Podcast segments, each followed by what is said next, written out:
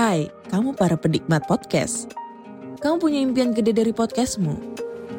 Terus First Story bisa banget bantu kamu. Mulai dari F-Link, Dynamic Audio Insertion, sampai statistik yang komprehensif. Semua ada di First Story. Gak ketinggalan kamu bisa monetisasi podcastmu lewat iklan dari First Story Ads yang bisa kasih kamu penghasilan dari setiap place podcastmu. Yuk gabung sekarang dengan klik di firststory.me. Sekali lagi, klik di firststory.me. Mari kita bawa mimpi podcastingmu menjadi kenyataan.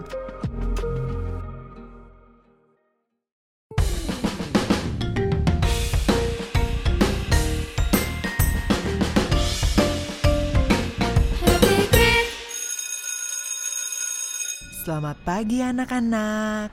Selamat pagi Bu Guru. Siapa yang di sini selama liburan kemarin membaca kisah bawang merah dan bawang putih? Saya. Saya. Saya. Saya.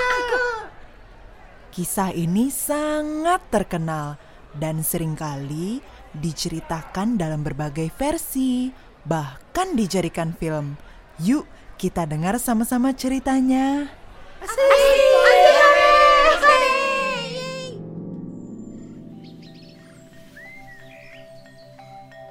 Pada suatu hari, hidup seorang anak gadis bernama Bawang Putih. Ibu Bawang Putih telah meninggal dunia saat Bawang Putih masih kecil karena menderita sakit keras. Sejak itu, Bawang Putih hanya hidup bersama ayahnya di rumah.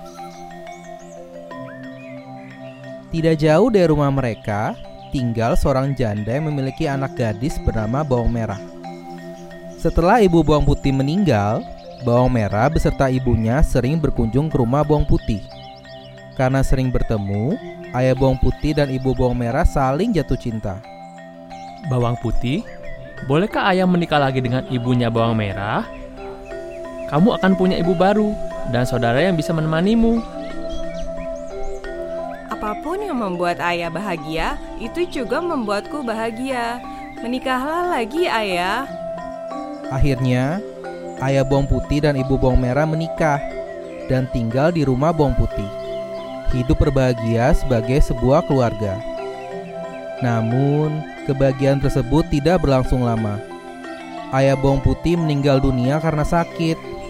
Setelah ayahnya tiada, sikap Bawang Merah dan ibunya berubah drastis. Mereka berdua selalu menyuruh Bawang Putih melakukan pekerjaan rumah, sementara Bawang Merah dan ibunya bermalas-malasan saja. Suatu ketika, Bawang Putih tengah mencuci pakaian di sebuah sungai di dekat rumah. Karena terlalu baik pakaian yang ia cuci, Bawang Putih tidak menyadari ada sebuah pakaian milik ibu tirinya hanyut terbawa arus sungai. Sesampainya di rumah, sang ibu memarahinya luar biasa. Ia meminta Bawang Putih untuk mencari pakaiannya sampai ketemu. Kamu memang anak pembawa sial, Bawang Putih. Ibumu meninggal. Ayahmu juga meninggal. Kamu harus mencari pakaianku sampai dapat.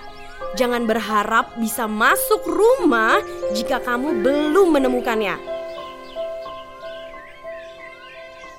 Maafkan aku, Ibu. Aku tidak tahu kalau ada pakaian yang hanyut. Aku akan kembali ke sungai untuk mencarinya. Bawang Putih kemudian menyusuri sungai tempat ia mencuci pakaian, mencari pakaian ibu tirinya. Hari telah menjelang petang, tapi pakaian ibu tirinya belum juga ditemui.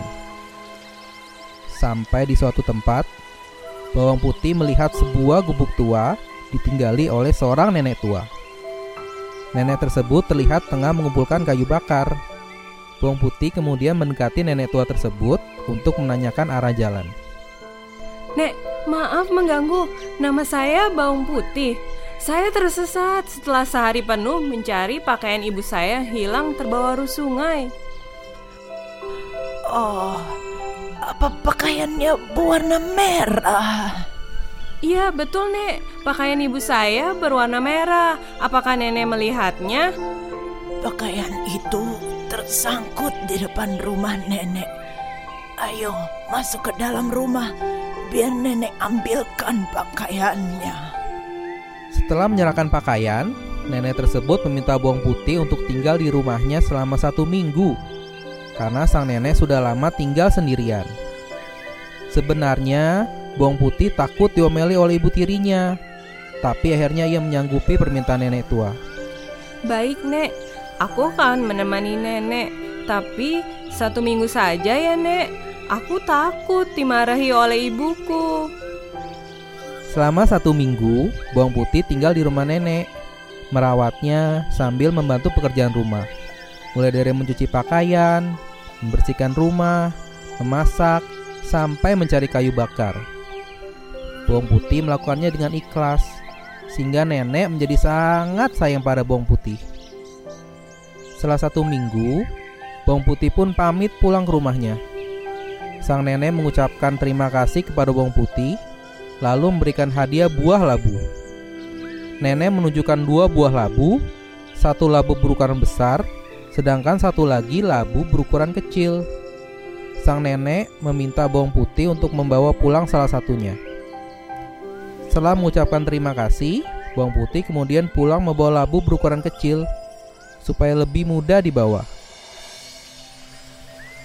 Setelah tiba di rumah, bawang putih menyerahkan pakaian pada ibu tirinya seraya menjelaskan bahwa ia tinggal selama satu minggu di rumah seorang nenek. Ia kemudian pergi ke dapur untuk membelah labu yang ia bawa. Alangkah terkejutnya bawang putih Ternyata labu tersebut berisi perhiasan emas permata. Wah, kenapa begini? Kenapa labu ini berisi perhiasan emas permata? Buang merah beserta ibunya segera pergi ke dapur ingin mengetahui apa yang terjadi.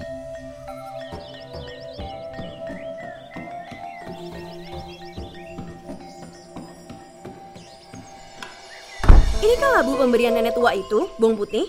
Katakan kepadaku. Iya bu, ini hadiah dari nenek yang aku rawat selama seminggu. Serahkan kepadaku sekarang atau kamu harus pergi dari rumah.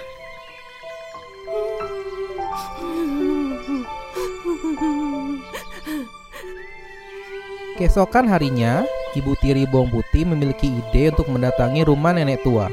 Ia berencana tinggal di sana selama satu minggu agar bisa mendapat hadiah labu berisi emas permata.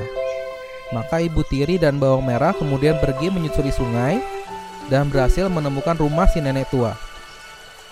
Sedangkan bawang putih dikurung di dalam rumah. Nenek tua pun menyambut mereka dengan baik dan mengizinkan mereka tinggal selama satu minggu. Tidak seperti bawang putih yang rajin membantu pekerjaan sang nenek, bawang merah setiap harinya kerjanya hanya bermalas-malasan. Satu minggu berlalu, bawang merah beserta ibunya kemudian pamit pulang. Sebelum pulang, nenek tua memberikan pilihan hadiah berupa sebuah labu berukuran besar dan satu lagi sebuah labu berukuran kecil.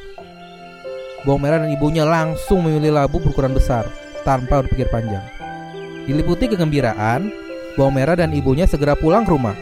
Tidak sabar untuk membelah labu hadiah dari nenek tua. Di dapur, bawang merah segera membelah labu tersebut menggunakan pisau. Tapi alangkah kagetnya mereka berdua Ternyata di dalam labu tersebut muncul seekor ular berbisa. Ular tersebut menggigit bawang merah dan ibunya hingga tewas. Begitulah nasib ibu dan anak yang memiliki sifat serakah. Ayo, siapa yang suka jahat sama saudaranya? Gak boleh ya. Kita harus saling menyayangi anggota keluarga kita di rumah. Iya bu, tenang saja. Bagus sayang banget sama adik di rumah. Tapi mulai sekarang aku nggak mau makan bawang merah lagi. Habisnya dia jahat. Bagus.